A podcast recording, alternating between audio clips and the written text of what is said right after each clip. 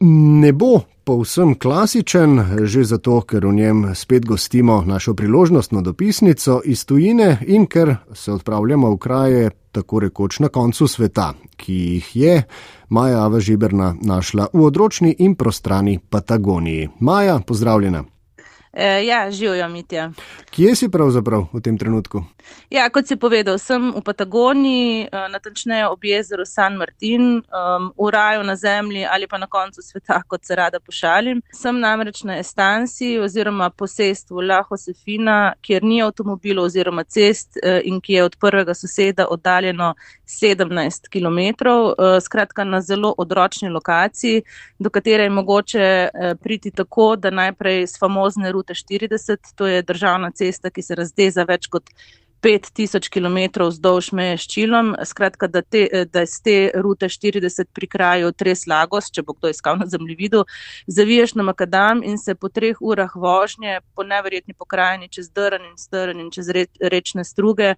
Odločiš za eno od dveh možnosti, kako boš nadaljeval pot, uh, za šest urno hojo um, ali pa z za dvourno vožnjo s čovnom in to sta tudi edini dve opciji, kako priti sem, odkudar se oglašam. Ja, kolikor te poznamo v odnosu do dolgih peštur, nisi prav strahopetna, a si torej tudi tokrat eh, to pot prepotovala peš? Eh, ne, žal ne.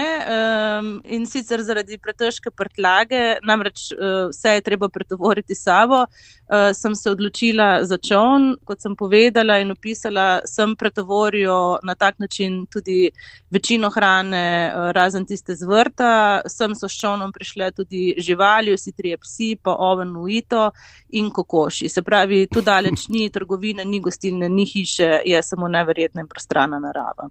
Uh mhm. -huh. Ja, pa internet, ne? povezave so, očitno, če se slišiva, pa to ne, da bi zdaj hotel izzivati srečo, eh, še kar dobro. Ja, slišiva se dobro, drži. In ja, internet imajo uh, približno kakšno leto, tudi zato, ker je težko usklajevati vso logistiko, sploh če se zaradi česar koli pokvari, recimo katero od transportnih sredstev, kar se tudi kdaj zgodi. Uh, ravno včeraj ne, se je zapletlo zaradi obilnega deževja, ko naj bi sem prišli turisti, pa zaradi narastle reke, ki jo je treba prečkati na poti, niso mogli. E, in to seveda pomeni tudi, da je pot v nasprotno smer onemogočena, se pravi, da tudi mi praktično ne moremo nikamor. Ste ujeti? Um, E, ujeti, ja, na nek način smo ujeti. Um, tako da bomo videli, kakšne bodo vremenske razmere v prihodnje. Um, zanimiva anekdota, no, sicer uh, sega v leto 2020, uh, ko je bil Hajme, glava družine, ki upravlja s tem posestvom, tu sam in ni imel pojma, ne, da se je svet vmes ustavil zaradi pandemije koronavirusa. In ko je po več kot mesecu dni prišel v Kalafate, prvo večje mesto, je bil nemalo presenečen, ko je videl, uh, da je prišel v mesto mesto duhov. Wow. Eh, in ko ravno govorimo o upravnikih, eh, poleg omenjenega Hajma je tu večji del leta preživi še njegova ščerka Kamila s Fantom.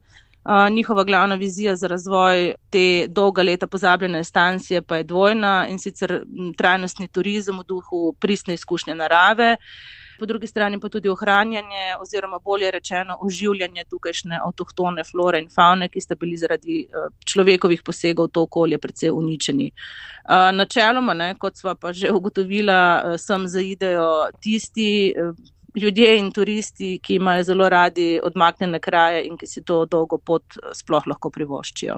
Uh mhm. -huh. In ti si med njimi? Eh, mislim, seveda ti privoščimo, če si lahko privoščiš, ne? ampak eh, to si si sama na lastno pest financirala? Uh, ne, ne. Drži, imaš prav, ne morem si tega privoščiti. Uh, sem pa tu prostovoljka. Uh, kar pomeni, da v zameno za streho nad glavo eh, pač pomagam pri razno raznih opravilih, eh, ki jih je tu na tem posestvu ogromno. Pomeni od kuhanja do pomivanja posode in sekanja drv, pač kar potrebujejo. Mhm. Mogoče no, da je še kakšno reči o makrolokaciji te stancije. Ta se, kot rečeno, razteza v Pledeniškem jezeru San Martin. Čez sredino tega jezera poteka meja med Argentino in Čilom, ki je s 5300 km tretja najdaljša na svetu in poteka vzdolž eh, Andov. Uh, mimo grede, če se zdaj le zavrtim za 360 stopinj, okoli mene tako stepa na čelenski strani jezera, snegom pobeljeni vršaci Andov, potem jasno jezero, reke, pa tudi topoli, ne, ki so jih zasadili že prvotni lastniki okoli hiše, ker ti uh, v bistvu zelo ščitijo pred vetrom. Tu namreč zelo rado in zelo piha. Vreme se pa spreminja praktično iz ure v uro, iz, ne iz dneva v dan. Hmm. Kar se tiče no, meje med Čilom in Argentino, je bila ta 1881 določena s pogodbo o meji in sicer tako, da je bila zarisana v liniji najvišjih vrhov v Andih ki se raztezajo po dolžini obeh držav. Um, hkrati pa ta linija ločuje tudi Atlantsko in Pacifiško porečje. No, to načelo oziroma ta delitev se je v Patagoniji nekoliko zapletla, ker rečna razvodja uh, ponekod pač prečkajo Ande in ker se državi nikakor nista mogli dogovoriti, eh, je leta 1902 na posredovanje v arbitraži pristal uh, britanski kralj Edward VII in modro sedanjo mejo vzpostavijo tako, da je številna sporna jezera v Patagoniji pač razdelil na dva um, enaka dela in tako razpolovljeno. Ne, tudi jezero San Martin, um, ki ima, glede na vse, kar sem povedala, tudi dve imeni. V Argentini poznanem generalu Joseju San Martinu, medtem ko se v Čilu imenuje jezero O'Higgins po čilenskem politiku Bernardo O'Higginsu. Uh, sicer pa so območje ob tem jezeru res praktično nenaseljena, edino mesto oziroma mestece je leta 1966 na čilenski strani uh, ustanovljena vila Viša O'Higgins.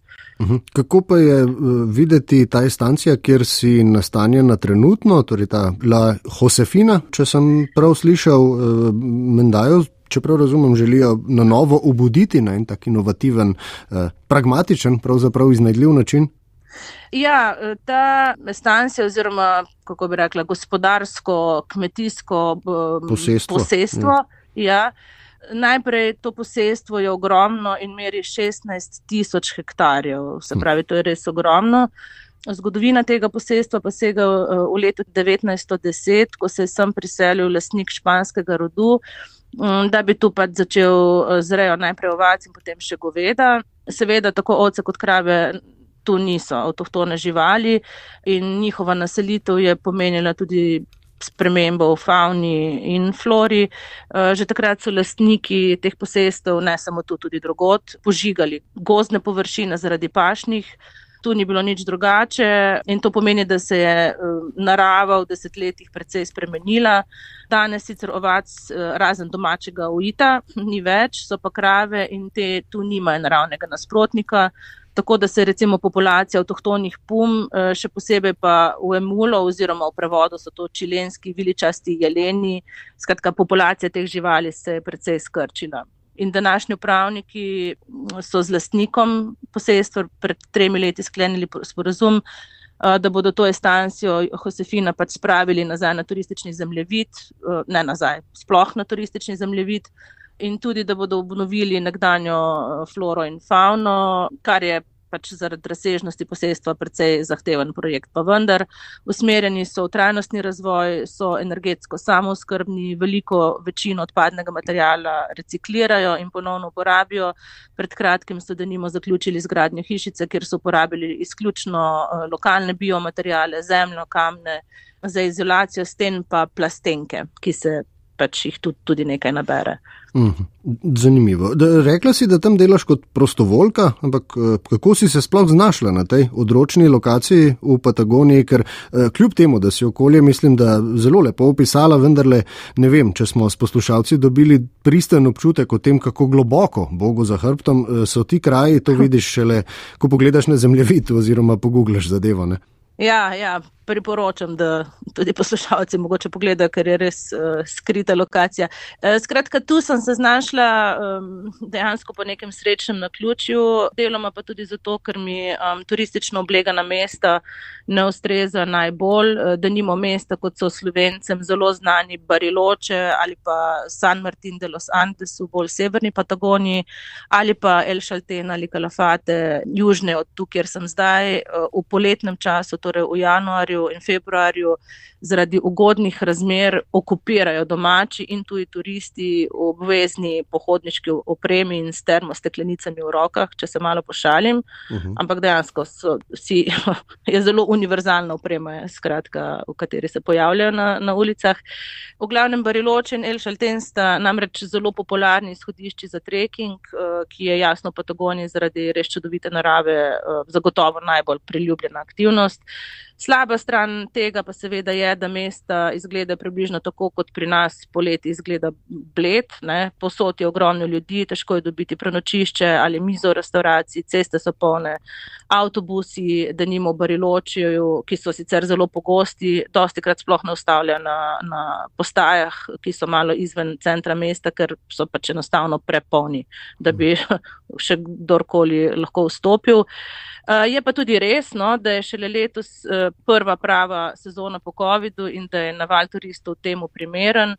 V mestu Kalafate, da nima vse čas, potrebujejo sezonske delavce v turizmu, pa jih težko dobijo, ne zato, ker ti ne bi želeli delati, sploh ker je delo v drugih delih države precej teže dobiti, ampak ker v mestu praktično ni kapacitet za njihovo nastanitev. Eh, vsi tisti, ki oddajo nepremičnine, jih raje kot sezonskim delovcem, jasno, za više cene oddajo um, turistom. Ja. In skratka, ob vsem naštetem um, sem se sama, ko se je pojavila priložnost, z navdušenjem odpravila sem, ker sem zdaj. Mhm. No, pa so še mi dva malce presenljiva eh, v Kalafate, torej mesto, kamor se eh, turisti odpravijo, predvsem zaradi obiska slovitega ledenika eh, Perito Moreno. Tudi ti si se, ne vem, če izključno s tem namenom, ampak se je odvilo nekako tako. Ne? Ob tem si pa imela še eno zanimivo srečanje, je res? Ja, drži, drži. Tako kot vsi ostali, sem se tudi uh, jaz odpravila uh, v Kalafate, ker je to izhodišče za obisk ledenika Perito Moreno. Uh, mimo grede, ledenik je dobil ime po znanem raziskovalcu Francisco Morenu, ki je imel zaradi odličnega poznavanja Patagonije, takrat popolnoma uh, neraziskane, tudi pomembno vlogo pri pogajanjih s Čilom, o čemer sem govorila prej. Skratka, Perito Moreno je zaradi dostopnosti po kopnem seveda najbolj prepoznaven in tudi daleč najbolj obiskan ledenik. Eh, so pa v nacionalnem parku Los Glaciares, oziroma to po prevodu pomeni ledeniki, tudi številni drugi, Upsala, Spegasi in skratka tako naprej. O vsem tem ne, se lahko obiskovalec eh, dobro poduči v interaktivnem muzeju ledenikov in ledeništva Glaciarium. In tudi sama sem se odpravila tja in že na prvi opisni tabli zastrigla z ošesi, ko sem prebrala, da ima velike zasluge za raziskovanje tamkajšnjih ledenikov mož slovensko-argentinskega porekla z imenom Pedro Skvarka po špansko ali Peter Skvarča po slovensko, uh mhm. eh, -huh. ki tudi opravlja vlogo znanstvenega direktorja muzeja. Pa predlagam, da mogoče za začetek prisluhnemo njegovi izjavi. Južni patagonski let ima danes približno 12.400 km2, severni patagonski let, ki je v Sučile, ima manj kot 4.000, to se pravi, ampak so največje mase ledu izven Antarktike in Grenlandije. In kar je zelo, nek, zelo pomembno, je, da proizvajajo ali dodajo eh, sladko vodo, ki poviša eh, morsko gladino, poprečno veliko več kot pa Alaska, ki ima petkrat večjo površino ledenikov, vse skupaj. Ne? Slišali smo torej leta 1944 v Sloveniji rojenega Petra Skvarčo, ki je kot otrok z materjo in bratom Juretom emigriral v Buenos Aires. Tam je doštudiral geodezijo in geofiziko in zatem še glasiologijo na Cambridgeu v Angliji. Od 70-ih pa do upokojitve je deloval kot raziskovalec in znanstvenik na Antarktiki v okviru Argentinskega inštituta za Antarktiko, eh, ki ga je dolga leta tudi vodil kot direktor. Peter Skvarča je prejel tudi priznanje Republike Argentine za dragocen prispevek na področju znanosti. Prav tako mu je nekdani predsednik Borut Pahor podelil red za zasluge za znanstveno raziskovalno delo na področju ledenikov in podnebnih sprememb. Uh, skratka, vse to naštevam zato, ker ima gospod Skvarča v Kalafatih in tudi širše na nek način kulten status. Um, mnogi prvenstveni vzponi, recimo po ledenikih, ki so predstavljeni v muzeju, tudi nosijo njegov uh, podpis. Eh, in kasneje mi je v bistvu postalo jasno, zakaj so bili zaposleni sumljivo skrivnostni, ko sem začela spraševati za njegov kontakt. Preprosto zato, no, mi je gospod Skvarča sam pozneje priznal, uh, ker se zelo pogosto v muzeju pojavi kdo, ki bi rad zaradi vseh dosežkov uh -huh. uh, stopil v kontakt z njim, uh, ga kaj povprašal. Ja, preveč nas je. No, jaz sem imela srečo, tudi zaradi tega, ker sem pač iz Slovenije, da se me po res mislim, da sem dve ure poizvedovala po muzeju. Na koncu usmilil poslovni direktor muzeja in ga pač poklical svojega telefona, in tako sva se potem srečala tudi z gospodom Skvarčem in posnela intervju. Uh. -huh. Uh, veselimo se ga intervjuja z zelo zanimivim gostom uh, oziroma gospodom, me pa še vedno bega ena druga zadeva. Uh, veliko menjaš tam uh, Bogu iza hrbta, kot smo rekli, uh, turiste oziroma naval turistov. Pa ni Argentina in še posebej Patagonija, ne, kjer si zdaj tudi zelo draga. Človek bi nekako pričakoval, da to vsaj malo razreči te horde. Ali? Ja, no, zdaj tu, kjer sem sedaj, absolutno jih je zelo malo. Ne. Sicer nasploh pa v Patagoniji je res, sploh v teh poletnih mesecih, tu ogromno, ogromno turistov. Mogoče tudi zaradi prve prave post-covidne sezone in dejstva, da je še vedno ogromno domačih turistov, ki si to draže destinacijo tudi lahko privoščijo. Po eni strani, po drugi strani pa je Argentina v teh časih za tuje turiste zaradi inflacije. Lani je bila ta uh, 100 odstotna. In tudi z njo povezanih ukrepov finančno precej bolj ugodna destinacija.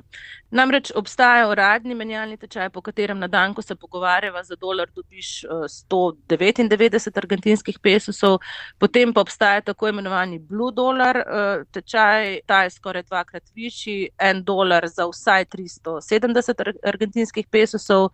Um, do te uh, menjave oziroma do tega tečaja seveda lahko uh, prideš na ulici, je pa pri tovrstnem poslovanju tveganje za ponarejene bankovce večje. Tudi zato je, predvsem pa, ker je tudi enako ugodno uh, med turisti izjemno priljubljeno dvigovanje denarja na poslovalnicah Western Uniona.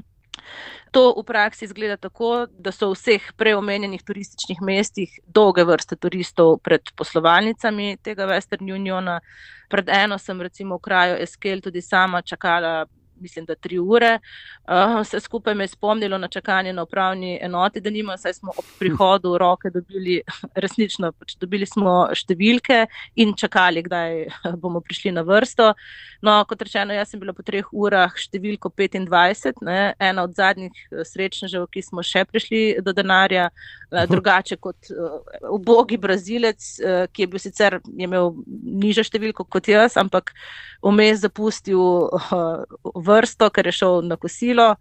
In so ga drugi vmes prehiteli, in ko se je vrnil, se skratka, je dobil novo številko, in se um, na koncu, po štirih urih, urah čakanja, lahko obrisal pod nosom, ker je vmes pač zmanjkalo denarja. Dejansko ni prišel uh, do menjave. Ne, ja. ni prišel, ampak razlagam te podrobnosti zato, ker je res surrealno, no, uh, kako stvari hmm. potekajo. Pa tudi to še ni vse. Od konca lanskega leta, oziroma začetka letošnjega, je v veljavi tudi tako imenovani turistični dolar, ki seveda spet velja za turiste pri nakupih tokrat s kartico.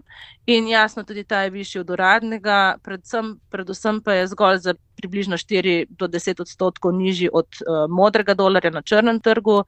Velja pa ta turistični dolar samo ob nakupih s kartico, ne pa tudi uh, ob dvigu um, na bankomatih. Hm. Skratka, če povzamem, argentinska finančna politika je precej nepredvidljiva, vse to, kar sedaj naštevam, se precej menja. No? Hm. Skratka, tudi sami argentinci ne vedo prav dobro, kaj je v veljavi in kaj ne. ne?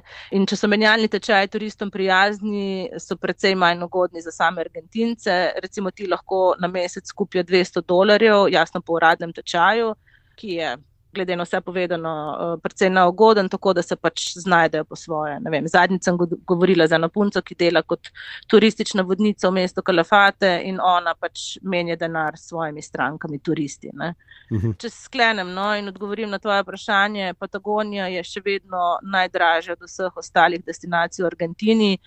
Je pa glede na vse omenjeno, sedaj vsaj za turiste zagotovo finančno zelo ugoden čas za obisk. Uh mhm. -huh po tem takem lahko sklepamo, da si jih pa kar nekaj vendarle srečala tam uh, ob nacionalnem parku Los Alerces, Čolila ali kako se reče vasi. Ja, Čolila je vas s približno 1500 prebivalci v provinci Čubut. Ta vas v resnici ni uh, med turisti zelo priljubljena, mogoče se tam kakšen ustavi ob povratku iz tega omenjenega parka Los Alerces. Je pa bilo zelo drugače prvi vikend v februarju, eh, ko so bile praktično vse površine po vasi pokrite s šatori in avtomobili. Razlog pa je bil nacionalni praznik Asada, tudi jasno prvi po prekinitvi zaradi pandemije. Eh, so pa to v veliki meri bili domači turisti. Ja. Uh mhm. -huh. a, asada, a to je kaj za na kruh namazati? Pa ne, da se gremo zdaj v neko vehementno ignorantstvo, eh, daleč od tega, prav zato tako sprašujem, ker eh, če se ne motim, je povezano s hrano. Ja, absolutno. Asado, Asado je eh, skoraj da zaščitni znak uh, Argentine no? in Patagonije. Eh, to je namreč priljubljen način priprave mesa na žaru oziroma natančneje na žerjavici. Mogoče, no, preden nadaljujeva, samo opozorilo za najljubitelje mesa, da dajo radijski sprejemnik malo bolj potiho v naslednji minuti, ker ja, pojedlo na tem nacionalnem, trodnevnem nacionalnem prazniku Asada se res ogromno mesano. Če samo naštejemo v treh dneh festivala, so tam pojedli 450 jagenčkov, 800 kg klobas, 45 teličkov. Za pripravo vsega tega pa so porabili uh, več kot 300 metrov drv. In včasih, ko se trudimo zmanjšati porabo mesa, to absolutno ni um, ravno spodbudna statistika. Je pa to argentinska realnost. No. Uh, saj toliko, če ne še bolj kot uživanje mesa, uh, je za Argentince značilno pitje čaja mate, kar je pomemben državni dogodek, če ne kar obred.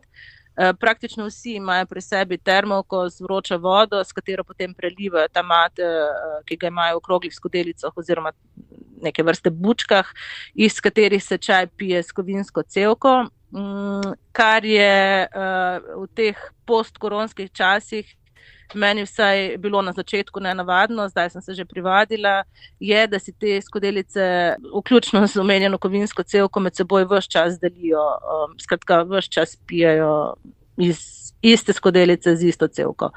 In se na ta način no, tudi družijo, tako kot se radi družijo ob Asadu.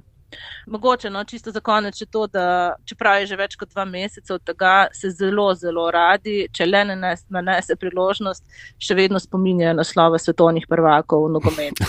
E, ob čemer ne, se komu ja. dejansko res utrne tudi še kakšna solza. Ja, Veselja. Ja, no, še najmanj štiri leta bodo lahko to solze sreče, potem pa bomo videli. Ne? Treba je izkoristiti ta čas vmes. E, Maja Ava Žiberna, tebe bomo pa z veseljem e, za še kakšno oglašanje iz Južne Amerike, če boš eh, privolil v prihodnjih tednih.